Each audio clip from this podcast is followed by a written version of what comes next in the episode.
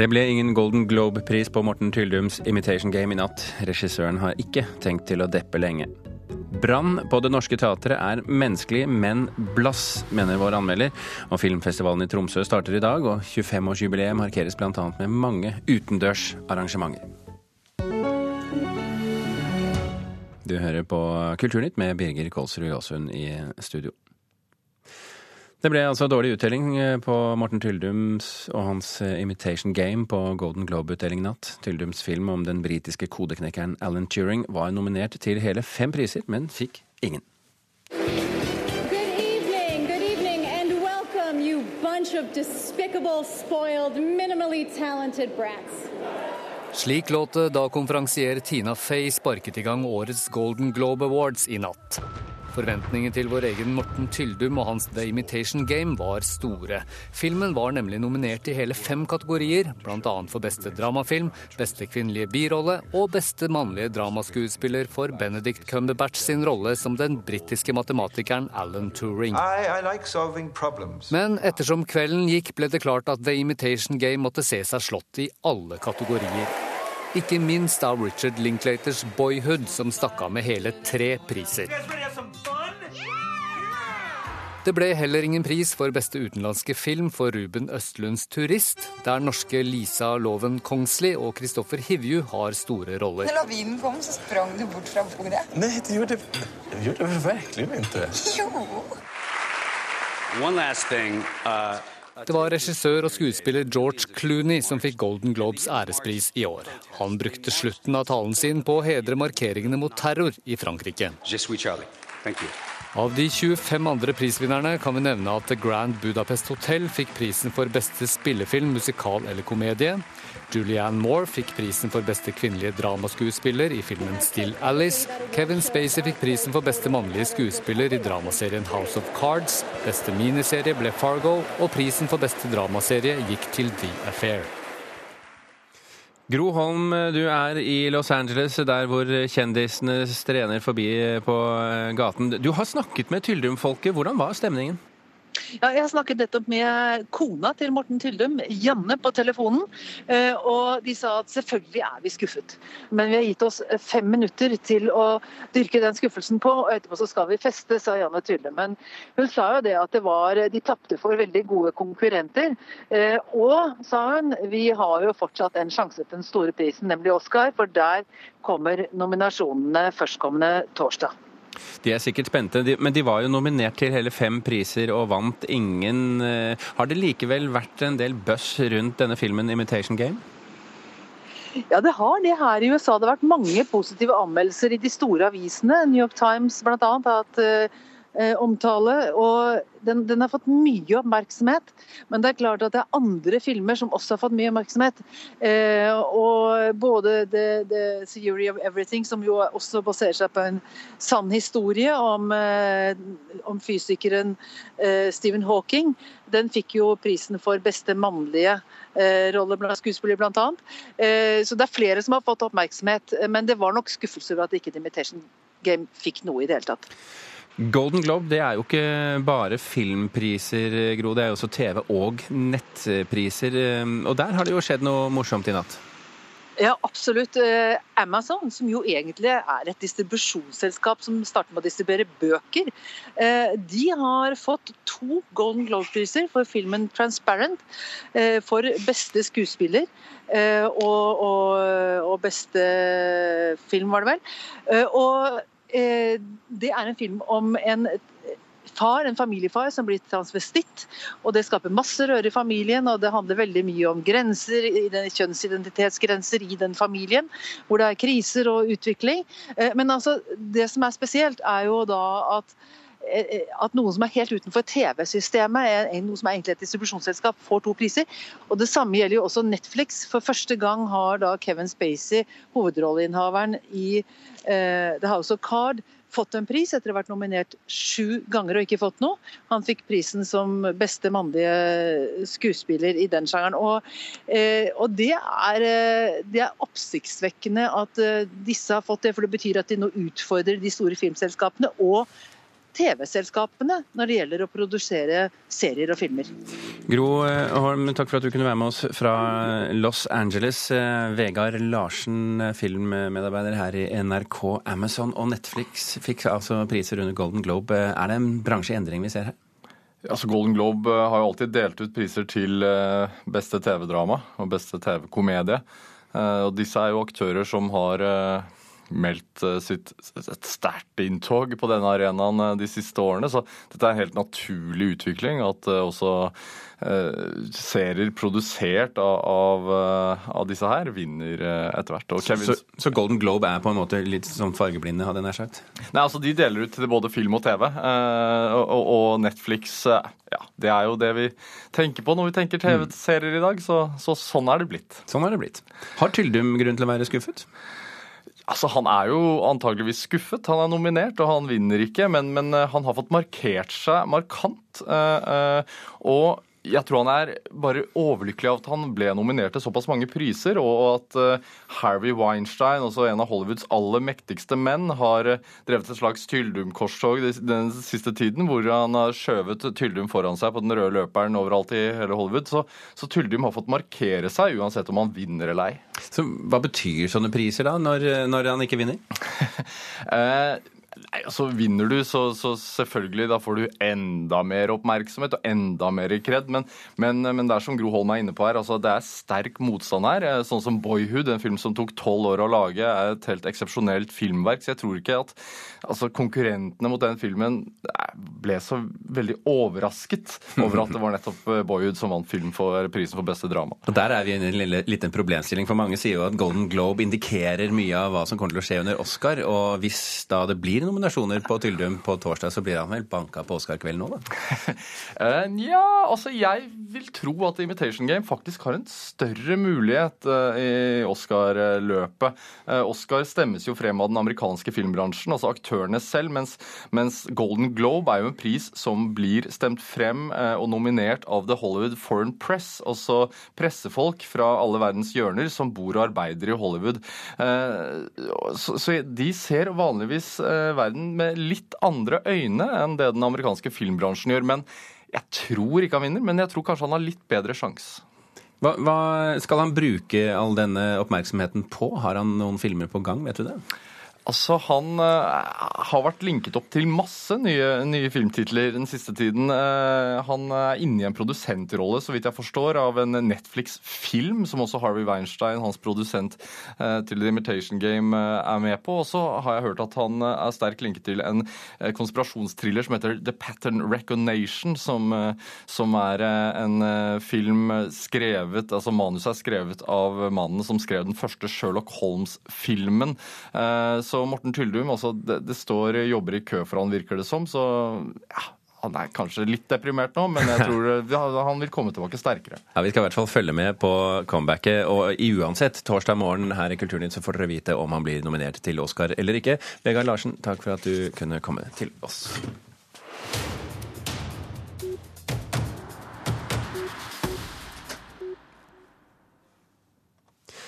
For en uke siden var den 25-årige JB Bullet en totalt ukjent sanger. I dag har han blitt en stjerne.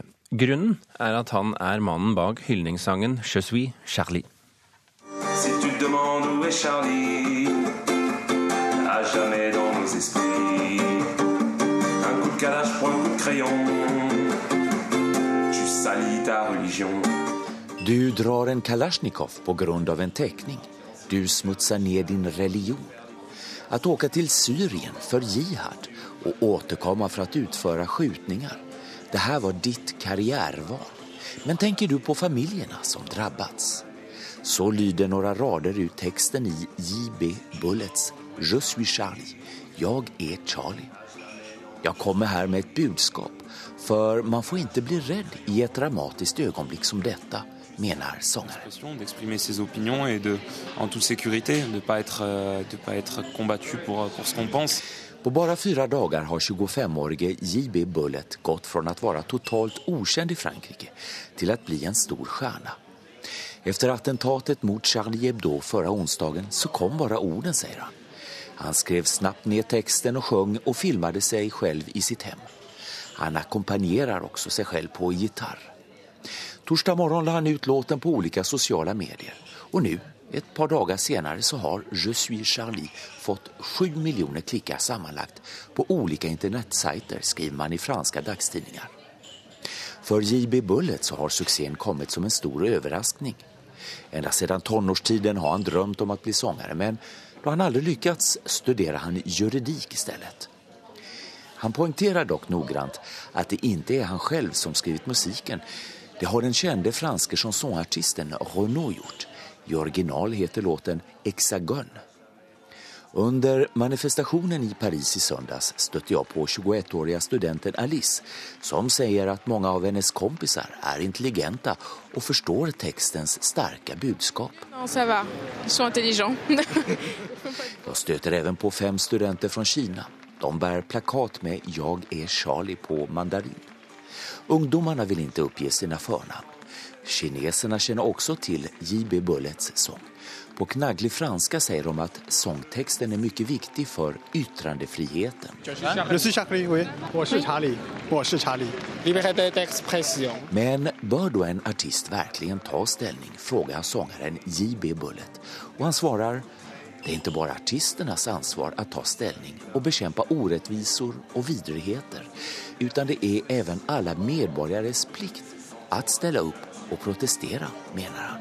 C'est pas un devoir d'artiste, c'est un devoir de, de citoyen et d'être humain de, de défendre ses, ses, idées. Moi aussi, je suis Charlie. JB Bullets, eh, Frankrikes nye stjerne. Denne reportasjen ble laget av Johan Tolgert. Klokken er eh, kvart over åtte akkurat eh, der. Du hører på Kulturnytt, og dette er toppsakene i Dagsnytt nå. Lånerenter kan komme ned på ett-tallet, spår bankanalytiker, men eh, bare for de beste kundene. Over 10 000 husstander er fortsatt uten strøm etter uværet på Vestlandet og Sørlandet i helgen. Og du bør gå lenger til nærmeste busstopp, foreslås det i ny rapport. Færre busstopp i byene får bussen raskere frem. Norsk etterkrigsmodernisme er truet, mener Norsk design- og arkitektursenter Doga. De har nå kastet seg inn i kampen for å bevare gamle Agder teater med Norges største fasaderelieff i Kristiansand. Bygget er tidligere vedtatt revet, men saken skal behandles på nytt denne uken. Det er helt uh, uerstattelig uh, for Kristiansand. Ingvild Aarholt Hegna er arkitekt og prosjektleder i Norsk design- og arkitektursenter. Der ser de med uro på at stadig flere bygninger fra norsk etterkrigsmodernisme trues av riving. Blant dem gamle Agder teater. Det er, representerer eh, et signalbygg fra en tid hvor eh, vi ser høy kvalitet på utførelse, både når det gjelder eh, form, detaljering og materialbruk. Dette finner vi ikke i dag. Det er ikke mulig å bygge med den kvaliteten. Det gamle Agder teater fra 1976 er et klassisk eksempel på brutalisme midt i bybildet av Kristiansand. Bygningens fasade er utsmykka med et 340 kvadratmeter stort veggrelieff av kunstneren Henrik Finne. Det var et møysommelig arbeid, og han gjorde mange studier. Eh, for å finne fram til, eh, til, det endelige resultatet. Og det også en, har også en størrelse som er unik i, eh, i norsk sammenheng. Hegna sier verket som Henrik Finne brukte ti år på, ikke bare er viktig i nasjonal, men også internasjonal sammenheng, og sammenligner det med Picassos verk på Y-blokka i Oslo. Det kan absolutt trekkes noen, eh, noen, sammenligninger der, og det er en del av Det er en stor del av uttrykket i bygget. Er et abstrakt motiv, men det er også et musikalsk motiv som man har tatt utgangspunkt i. Og det er jo da laget i forskjellige farger av murstein, altså både mursteinsfarget og gult og grått, lysegrått og mørkegrått. Daglig leder i Kristiansand kunsthall, Cecilie Nissen, har tatt turen til Kongens gate i Kristiansand for å vise fram det enorme veggrelieffet. Hun er sterk motstander av riving, og arrangerte i går en debatt om det gamle teaterbygget sammen med Kristiansand bibliotek. Det har vært et stort folkelig engasjement. Altså, Vi har også opprettet en Facebook-side som har over 3600 medlemmer. Og folk er ganske rystet over at, eh, at noen i det hele tatt tenker tanken på å rive dette her. Før jul ble en reguleringsplan som åpner for salg og riving av det gamle teaterbygget vedtatt. Men vedtaket ble anka, og dermed skal spørsmålet om riving behandles på nytt i formannskapet denne uka. De virker ganske standhaftige på standpunktene sine, men jeg har aldri hørt de egentlig komme med noen gode kunstfaglige eller arkitekturfaglige begrunnelser for hvorfor dette skal rives. Altså, det er jo vel kun økonomiske hensyn. Stian Storbukkås i Frp er nestleder i byutviklingsstyret og støtter planen som åpner for riving. Vi går ikke inn for riving for å rive, det er jo ikke det saken handler om. Men det handler om at vi faktisk skal, skal bygge et helt nytt kvartal i byen. Og da er jo eh, det gjort vurderinger, faglige vurderinger eh, i kommunen, bl.a. fra Byantikvaren, på at dette bygget ikke er eh, verneverdig. Og når vi da vet at det å, eventuelt da verne bygget vil påføre ganske mange millioner i kostnader i forhold til det som nå er vedtatt av plan, så, så, er ikke verning noe som er aktuelt for oss nå. Ingvild Hegna i Norsk design- og arkitektursenter setter sin lit til høringsrunden. Vi mener at det er veldig viktig nå å lytte til de faglige rådene. Eh, og vi håper at antikvariske myndigheter ser sitt ansvar og kommer med en faglig vurdering som eh, kan eh, sikre en bevaring av Agder teater. Reporter i Kristiansand, det var Miriam Grov. Det er i år 20 år siden Svein Tindberg og Kjetil Bang-Hansen satte opp Markusevangeliet som teater, en av de mest særegne forestillinger i nyere norsk teaterhistorie. Og etter flere suksesser, sist med Abrahams barn, hadde de i helgen premiere på Ibsens Brann på Det Norske Teatret, og slik hørtes det ut. To tanker fall som gutt meg inn. Min mage fikk en lattervri. Jeg tenkte meg ei mørkredd ugle. En fisk med vasskrekk. Som jeg lo. Ord sinnet vil jeg dei smugle, men de hang fast med nebb og klo. Her hører Svein Tindberg i rollen som Brann. Teaterkritiker her i NRK, Karen Frøsland Nystøyl. Tre eh, bibelforestillinger fra Tindberg og Bang-Hansen. Hva har de gjort denne gangen? Denne gangen så har de jo tatt tak i Ibsen sin figur Brann. Og det de ønsker å jobbe med, det var hvordan kan man se Brann som en idealist i vår tid? Da Ibsen skrev det dramatiske diktet Brann i 1866, så var jo Brann en idealist, en, en kar man kunne kalle heil ved, en som levde konsekvent etter sine idealer. I dag så ser vi han som fanatiker, som en eh, troende blind, nærmest. Og, og de har da gått inn i, i det spennet som ligger mellom de to karakteristikkene av Brann. Hvordan ser vi han som idealist nå? Og det syns jeg de på mange måter har klart, ikke minst gjennom Svein Tindberg sitt spill. For det han gjør, det er å bringe en menneskelighet inn i, i figuren Brann, som vi som publikummere kanskje ikke tenker at er der. For i dag så tenker vi en fanatiker som en hard og steil og, og endimensjonal person. Men sånn har han jo ofte vært spilt også, Brann? Ja, det har han. Og det syns ikke jeg han blir på samme måte her. Jeg syns at Tindberg fyller de rommene Brann har med menneskelighet. Han forsøker alt han kan å leve etter det han tror på, det han virkelig mener er riktig. Og det, det er tøft for han å ta en del av de harde valgene han gjør. Så, så, så mennesket i han kommer tydeligere fram. Men, dette er jo dessverre, kan man si, eh, kanskje tiden for et stykke om en religiøs fanatiker. Men er brann relevant, vil du si, for oss i dag? Ja, jeg, jeg syns det. For det er viktig å, å gå inn i de um karikerte typene da, og forske i hvem de er.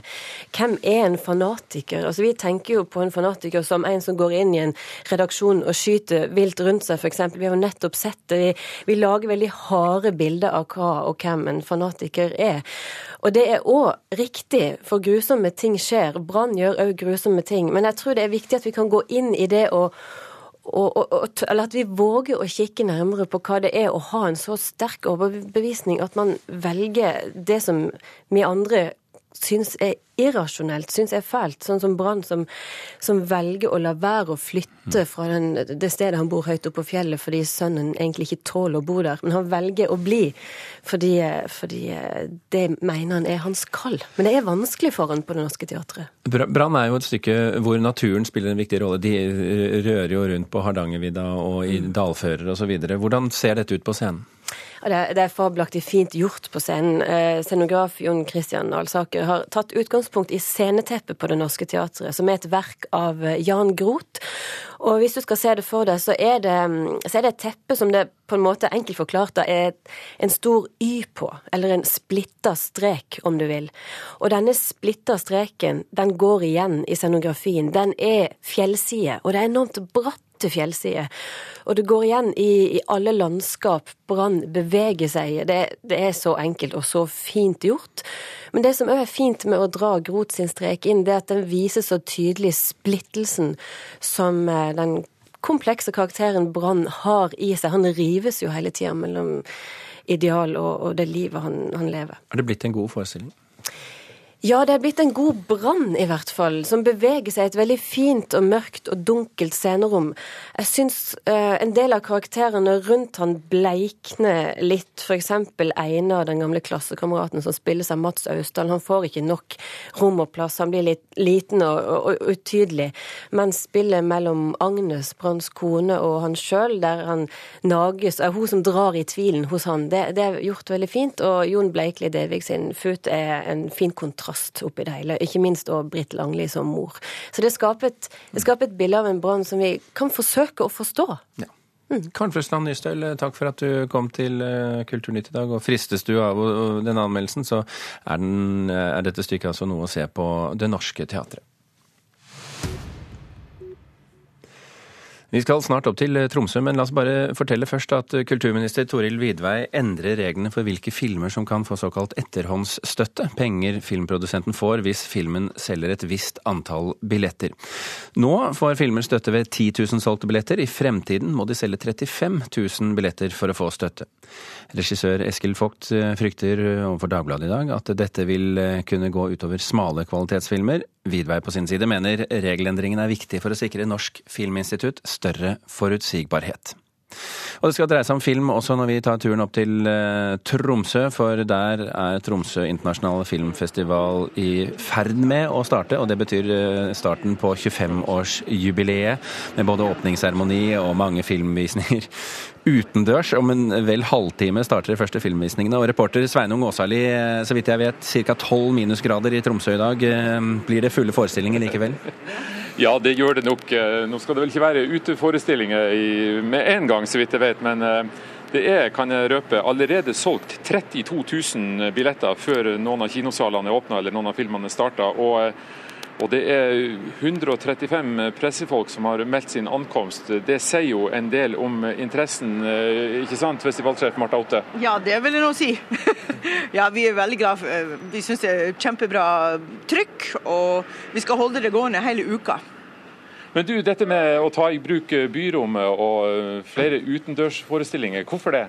Nei, vi, vi, feirer ikke bare festivalens 25-årsjubileum, vi feirer byen. Det er jo ikke altså, Tromsø internasjonal filmfestival med trykk på Tromsø.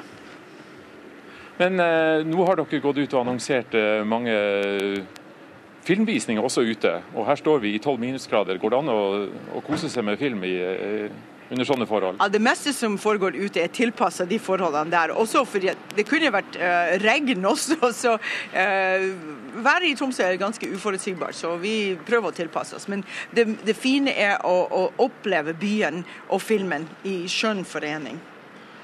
Uh, hva har publikum i vente med årets jubileumsfilmfestival? Vel, Vi syns vi har et knallprogram. Vi har et veldig sterkt konkurranseprogram. Og uh, vi har flere sideprogram som er tematisk organisert. og vi har høydepunkter på, på sånne sterke ting, og vi har noen hvileskjær, og vi har uh, mye morsomt og masse utfordrende film. Så folk finner forskjellige ting. Vi har hele spekteret og hele verden. Ja, og Apropos så la jeg merke til i nyhetene nå i uh, NRK i morges at Den, finnes, den eh, russiske filmen uh, 'Leviaten' har fått uh, en av prisene under Golden Globe-festivalen i Los Angeles. Den uh, står også høyt på plakaten her. Ja, 'Leviatan' er jo en, en, nøkkelfilm hos oss i konkurranseprogrammet. og Dette er Siv Gintsevs fjerde film, og alle hans tidligere filmer har vært her hos oss. Så er, han er liksom vår regissør, syns vi. Du er fornøyd med programmet. Er også Grete Holde, som er en av veteranene blant publikummerne. Du har vært, her, eh, vært med helt fra starten av i 1991. Eh, hva betyr denne festivalen for deg? Betyr veldig mye. Men som Martha sier, det betyr jo spesielt veldig mye for Tromsø. Bare det når, når, hele verdenspressen kommer, og når du ser at vi får Golden Globe, og så er filmen allerede i Tromsø, det, det forteller jo hvor internasjonal, eller hvor, hvor, filmfestivalen i Tromsø fortjener det internasjonale filmfestivalnavnet, egentlig. altså. Hva syns du har forandra seg mest i løpet av disse 25 årene fra den første filmfestivalen du var med på? Nei, Det er jo bredden. Det er jo bredden, som, som Martha sier, de her tematiske, tematiske programmene som er veldig spennende, hvor du blir kjent med verden, du får politiske innspill, du får sosiale innspill. du får for natur og, og, og, og folk. Så det er nok det som har forandra seg mest eh, med festivalen, ja. Det er altså stemninga her bare minutter før filmene begynner å rulle i eh, Tromsø, både innendørs og utendørs. Sveinung Aasværli, takk for at du var med oss eh, her i Kulturnytt nå på morgenkvisten. Eh, klokken tolv i dag eh, så starter åpningskonferansen under TIFF, der bl.a. kulturminister Toril Vidvei skal snakke om fremtiden for norsk film. Det skal også snakkes om de regionale filmfondene, og er du interessert i dette, så kan du følge åpningskonferansen direkte fra klokken tolv på nrk.no. Og dessuten kommer vi vel til å lage litt journalistikk på dette utover dagen, tenker jeg. Kulturnytt er nå slutt. I dag har du bl.a. hørt at eh, Morten Tyldum tillater seg å være skuffet etter at hans The Imitation Game ikke vant noen av de fem prisene den var nominert til under nattens Golden Globe-utdeling. Men filmen vil ha større sjanse til å ta hjem en statue eller to under Oscar, tror vår eh, filmmedarbeider som du hørte her i dag. Lars Tronsmoen, Gjermund Jappé og Birger Kålsrud Aasund takker for eh, følget.